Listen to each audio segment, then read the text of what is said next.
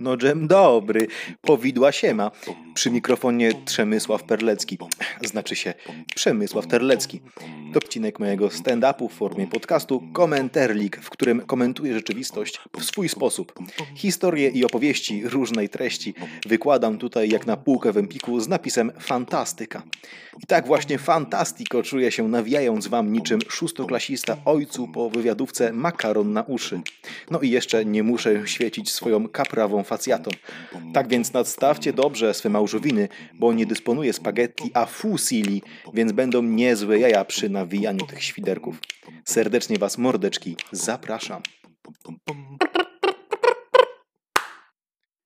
Ci, którzy obserwują mnie na Instagramie i oglądali dzisiaj moje Instastory, z pewnością domyślają się, o czym teraz będę mówił, ponieważ zaznaczyłem tam temat tak absurdalny, że no cóż, jest, no sam się prosi do tego, żeby go skomentować. Otóż szukałem dzisiaj trochę w internecie, trochę nawet wychodziłem na balkon, patrzyłem się prawo, lewo, góra, dół, WASD, co takiego dzieje się wokół mnie, żeby można było to tak pokomentować, a nie tylko mówić o historiach, które miały miejsce i takim zajmować się storytellingiem. Otóż, moi drodzy, nie trzeba było długo szukać, ponieważ tematy w zasadzie leżą gdziekolwiek, tylko trzeba umieć je dojrzeć i podnieść. I otóż tak się stało, że jestem członkiem takiej grupy na Facebooku, na której to no, wklejane są często właśnie jakieś screeny, memy, czy podnoszone są tematy dotyczące śmieszności religii. Bo religia, wiadomo, no jest to w jakiś sposób rzecz oderwana od rzeczywistości. Jest to wierzenie w jakieś tam imponderabilia, a jeżeli ktoś z was nie wie o co chodzi, to nie, imponderabilia to nie jest w zasadzie ten podcast, którego prowadzi jeden z ziomków od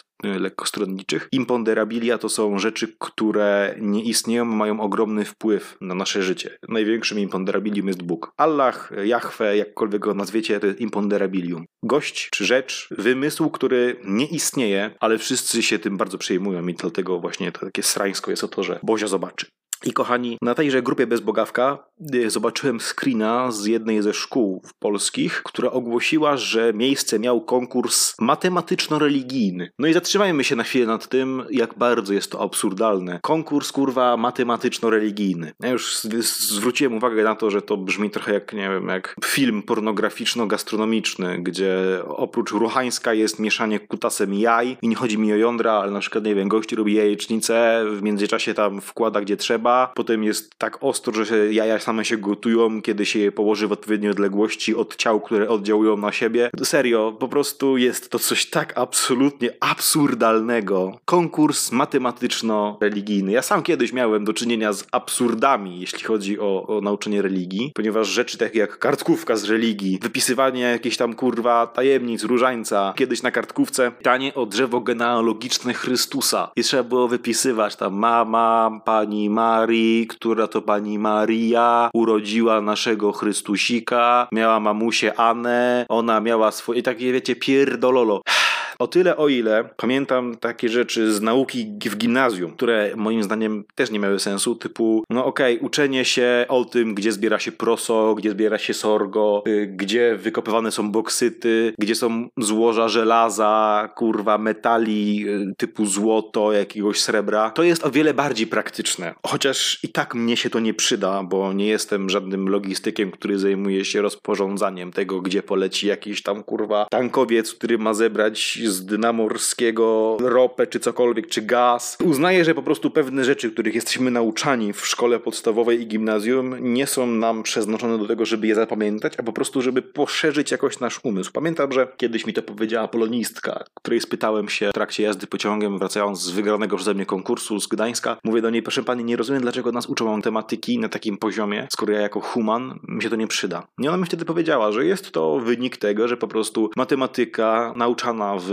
w takim wieku rozszerza myślenie abstrakcyjne i poszerza horyzonty myślowe. Po prostu. Co ma kurwa poszerzyć wiedza o tym, kto był matką Maryi, albo jakie są tajemnice różańca, albo do cholery jasnej i kiedy Chrystusek chodził, uczył, jak się nazywało pierwsze miasteczko i tak dalej. Czy ja jestem kurwa teologiem? Nie. Ile procent ludności zostaje teologami? Ile idzie na księże, idzie na zakonnicę? Przypuszczam, że nawet tym ludziom się to nie przydaje. Tymczasem mamy konkursy matematyczno-religijne. Ja nie wiem, czy to jest jakiś taki ech, no efekt tego, że żyjemy w takim pojebanym kraju, który obecnie klęczy na kaczych nogach z, z krzyżem w mordzie, ale no, po prostu jest to coś tak absolutnie, jeszcze raz powiem, absolutnie absurdalnego, że się w bani nie mieści. I wyobraźcie sobie, jak wyglądają takie zadania na takim konkursie. Już pomijam fakt, że, że znalazłem tam kilka prześmiewczych odpowiedzi na takie pytanie właśnie na tej grupce, na której znalazłem screena y, z tego posta, który wstawiła jedna placówka edukacyjna z wschodniej Polski, no bo tam to w ogóle, jeśli mówimy o całej Polsce, to to, to miejsce, wschodnia Polska, mm, to jest wylęgarnia takiego myślenia. No ale serio, spróbujmy się w to wczuć. Co takiego tam mogło być? Jakie to mogły być pytania? No chyba, że nie wiem, to było oblicz takie sążniste, konkretne zadanie matematyczne, kiedy je obliczysz, dawaj, walimy zdrowaśki na czas. Jazda, jazda, jazda. Na kolanka, kurwa, trzymaj, trzymaj sobie ten, trzymaj sobie te kulki, anal, y, znaczy się różaniec yy, i módl się, módl się, módl się, módl się. Nie wiem, serio, czy to jest jakaś sztafeta religijna, kurwa, rzuć te kulki, anal, znaczy się różaniec, yy, dawaj, dalej, dalej, jazda, jazda, No, ja nie rozumiem, czy ludzie nie widzą, że to jest jakiś absurd, że, że to jest działanie, w ogóle połączenie matematyka, religia, to jest, kurwa, tak, tak antynaukowe, to jest po prostu tak oderwane od rzeczywistości, że ciężko w ogóle jakkolwiek poważnie do tego podejść. Ja nie spodziewam się, że ludzie, którzy mieli udział w tej, w organizacji tego wydarzenia, no, no oni też musieli mieć z tego jakąś bekę. No serio, żeby podejść do tego poważnie, to, to trzeba dysponować logiką i rozumowaniem na poziomie kurwa 15-letniego korwinisty. Trzeba wierzyć w jakieś zabobony tak mocno, że bierzemy je za pewnik. Tak jak pierdolenie Korwina jest brane niemalże sekciarsko, tak jak pierdolenie byle księdza w niedzielę na mównicy. W ogóle jeszcze taki fakt, że to jest jakiś po prostu przerost formy nad treścią. Nawet jeśli Bozia by istniała, to wyobraźcie sobie, że zeszedłby Jezusek tam ten drugi raz na ziemię, żeby wszystkich tam zbawić i po rozbawić. nie, co, co by sobie pomyślał, kurwa? Matematyka mieszana z religią, bałwochwalstwo, no bo nie oszukujmy się, ogromną liczbę wszelkich posągów, wszelkich monumentów, wszelkich miejsc upamiętnienia zajmują rzeczy związane z religią. Jedno to oczywiście krzyże, jakieś tam pomniki Maryjki, te, te kapliczki i tak dalej, ale posągi y, żona Pawła II, znaczy się Johanna Pawła der Zweite, czyli Jana Pawła II, który oczywiście, no to jest w ogóle kult jednostki wyciągnie, wyciągnięty kurwa do formy absolutnie par excellence. I naprawdę ciężko mi jest zrozumieć, jako osobie, która uważa siebie za ateistę i, i stroni, całkowicie stroni od takiego myślenia religijnego, bo jest to dla mnie całkowicie antynaukowe i, i w ogóle jakieś sprzeczne z logiką. Ciężko mi jest zrozumieć, że ludzie, którzy sobie wierzą, czy ci ludzie nie widzą jakiegoś takiego, kurwa, no, po prostu absurdu tej całej sytuacji. Absurdu. To jest trochę z tą wiarą jak z naszą władzą pisowską. I tu nie mówię teraz na, z władzą pisowską na poziomie tej jakiejś religijności, ale zobaczcie sobie na taki plebiscyt Człowiek Wolności organizowany przez tygodnik sieci. To jest tygodnik braci Karnowskich, to jest dwóch takich rozrabiaków, którzy są bodaj ulubionymi publicystami Kaczyńskiego i spółki i oni przyznają od lat lat tytuł Człowieka Wolności. I przynajmniej trzy czy cztery razy Człowiekiem Wolności został Kaczyński. I to jest, wiecie, takie lizanie kutasa za lizanie drugiego kutasa sobie nawzajem, bo to jest tygodnik, który dostaje ogromne pieniądze za reklamy od naszej władzy, e, więc jest to oczywiście propagandówka pisowska, a PiS, no, dostaje Nagrody Człowieka Wolności i, i taki Kaczyński wychodzi co rok, dziękuję, dziękuję, dziękuję, tego. Ostatnio widziałem, że nagroda dla wybitnego człowieka, który starał się zrobić coś wielkiego na rzecz zdrowia, dostał minister Adam Niedzielski. To jest minister zdrowia. De facto jest to z wykształcenia ekonomista, a nie chociażby pielęgniarz albo lekarz nauk medycznych, co moim zdaniem jest kurwa warunkiem minimum, żeby dostać to stanowisko. To jest takie kółko wzajemnej adoracji. I ci ludzie nie widzą jakiegoś nie wiem, problemu z tym, że to jest naprawdę, to jest komiczne. To jest, to jest tak komiczne, że, że aż bije po oczach ten komizm. Taki, wiecie, sposób, no po prostu absolutnie absurdalny. To jest AA, absolutny absurd. To jest jedno z moich ulubionych określeń na to, co się dzieje w sferze religijnej tego kraju, ale także i politycznej. No i tak samo jest z tą wiarą w Polsce Polsce. Ona jest wyciągana do po prostu karykaturalnych form i do stopni będących absolutnym zaprzeczeniem jakiegoś takiego rikczowego życia. Rikczowego, czyli rozum i godność człowieka. Pewne rzeczy dotyczące religii przyjmuje się od razu z wielką emfazą i zadowoleniem i radością, bo to jest kurwa religia. Tu nie ma myślenia logicznego. I ludzie jakby z gruntu zakładają, że to jest, jeżeli to jest rzecz dotycząca wiary, to nie ma tego, co rozkminiać logicznie i nawet nie chodzi tylko o dogmaty, ale o wszystko, co dotyczy tej religii. Więc zakładam, że wiele osób, które albo brały udział, albo organizowały ten konkurs matematyczno-religijny, cieszyły się z samego faktu i były dumne, że tak właśnie krzewią religię w naszym kraju. I nikt nie podchodzi do tego z myśleniem krytycznym, że to jest po prostu debilizm, że to jest ośmieszanie wartości przedstawianych przez religię i jest to stawianie jej w krzywym zwierciadle. Nie odbieram religii jakiejś sensowności, chociaż dla mnie to sensu nie ma, ale jeżeli ktoś, podkreślę, jeżeli ktoś wierzy i znajduje w tym opokę, wytchnienie, cel życia i tak dalej, gitara. I wychodzę z taką poradą do wszystkich tych, którzy jarają się takimi rzeczami jak konkursy matematyczno-religijne. Zastanówcie się, jak daleko już zaszliście z bałwochwalstwem, zapominając o tych podstawowych wartościach, które są podstawą religii. Bo no, serio, religia w Polsce już od lat staje się nie wartością, a wartościowym żartem. A co się zaś samej wartości żartu tyczy, to chciałbym przejść płynnie do tematu, który dla mnie osobiście no jest ogromnym żartem i w zasadzie jest, jakby to powiedzieć, dobrym tłem, podstawą i bazą do wielu, wielu żartów, a mianowicie środowiska dresiarskie oraz szeroko pojęte sebiksy. Kochani, tak jak szukałem tematu do tego podcastu i zacząłem tam się szarpać z tą religią i znalazłem ten temat religii w internetach, tak temat sebiksów przewinął się pod moim blokiem. Siedzę sobie tutaj, przyglądam nety, już mam się wybrać na wyjście na balkon i nagle słyszę pod blokiem E, kurwa! E!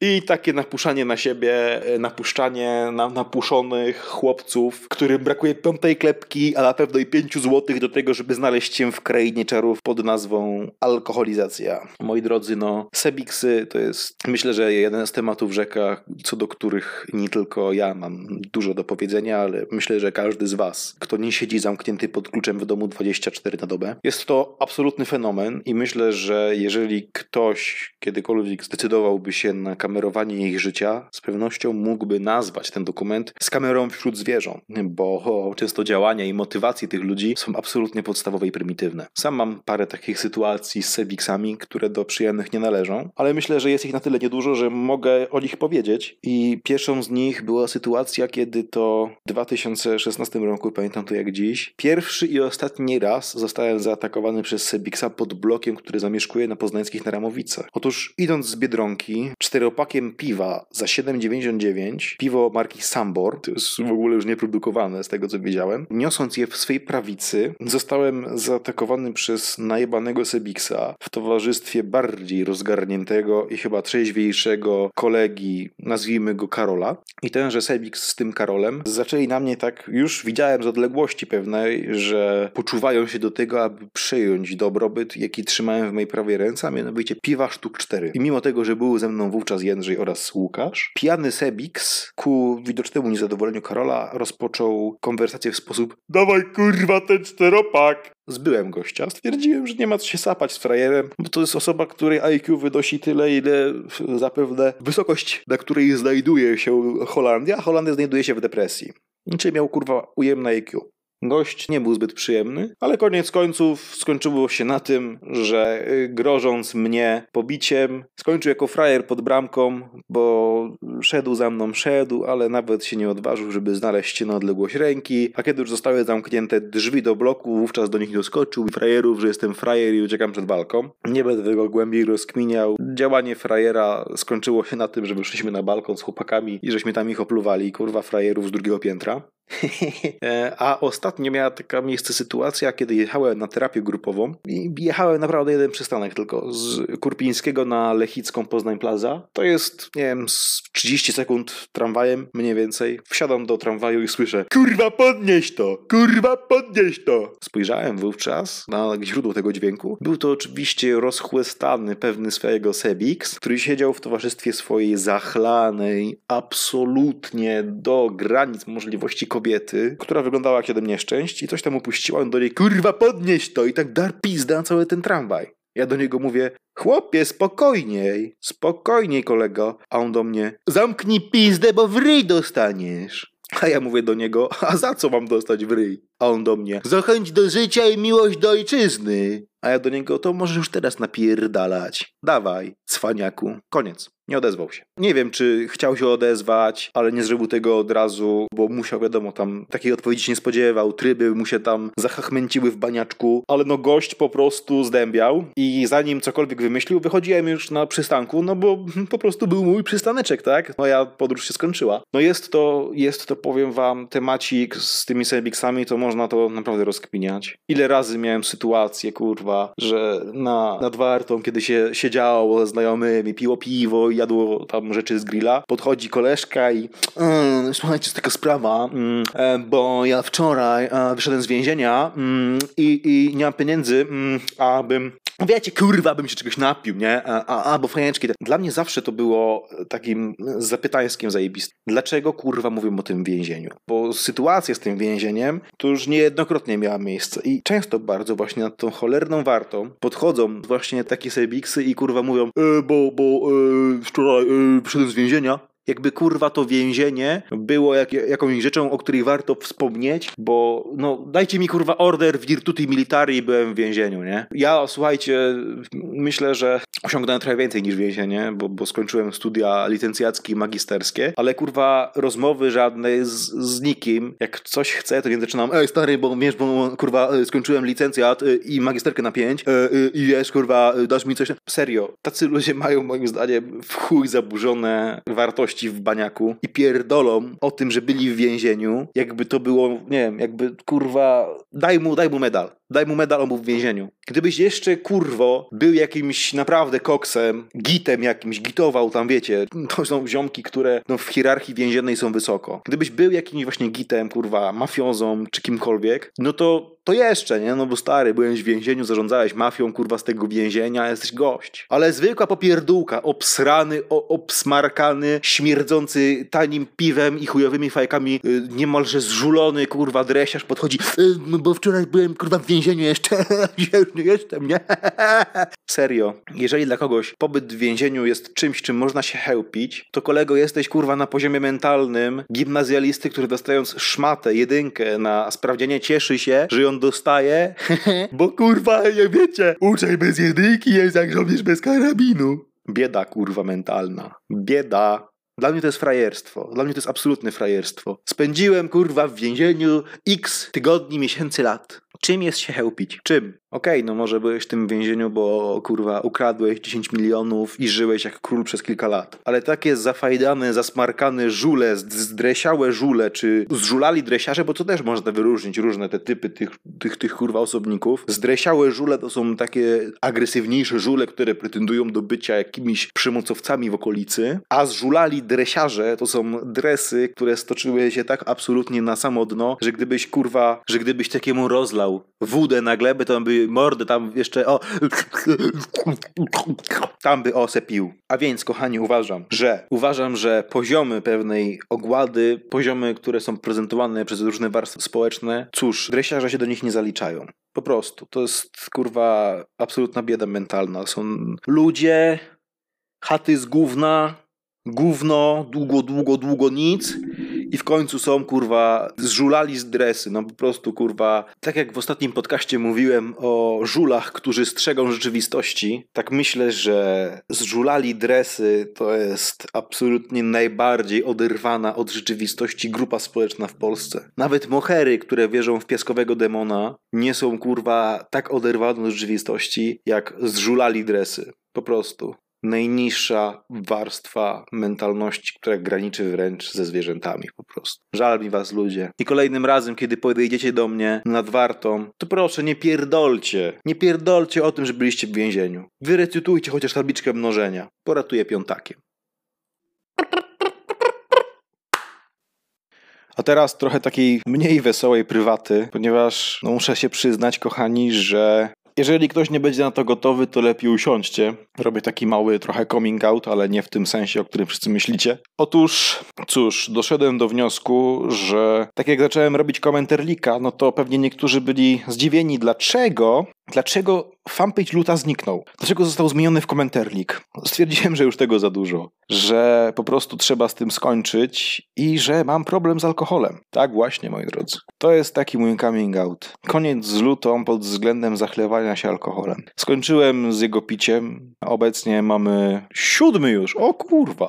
No to w takim razie, moi drodzy, dwa miesiące i tydzień nie piję alkoholu, znaczy jestem trzeźwy. No i powiem wam, że obrałem tę drogę i wymagało to ode mnie nie tylko tego wyrzeczenia się w konsumpcji alkoholu, ale także wymagało to ode mnie, wymagało to ode mnie porzucenia piwowarstwa. Nie sądzę, żebym kiedykolwiek jeszcze zrobił piwo, a przynajmniej nie zrobił je dla siebie. Takie jest moje założenie, ale wiadomo, no, nie można sobie tak tego zakładać do przodu, jeżeli ma się problem z alkoholem. Tak więc, y, jeżeli ktoś kiedyś będzie chciał się dowiedzieć czegoś o robieniu piwa, czy będzie chciał jakieś asysty przy jego robieniu, bardzo chętnie pomogę. Jestem jak najbardziej otwarty na wszelkie takie rzeczy, jednak ja już sam mówię pas. W tym roku, w kwietniu, teraz, właśnie w tym miesiącu, będzie mijało 10 lat, jak zacząłem spożywanie alkoholu. I dobrze pamiętam pierwszy raz, kiedy go wypiłem. To była sytuacja, która absolutnie zmroziła moich ziomków wówczas, ponieważ będąc nad jeziorem z dwoma koleżankami, one poprosiły mnie o otwarcie butelki ruskacza. Ja go otworzyłem, one wzięły po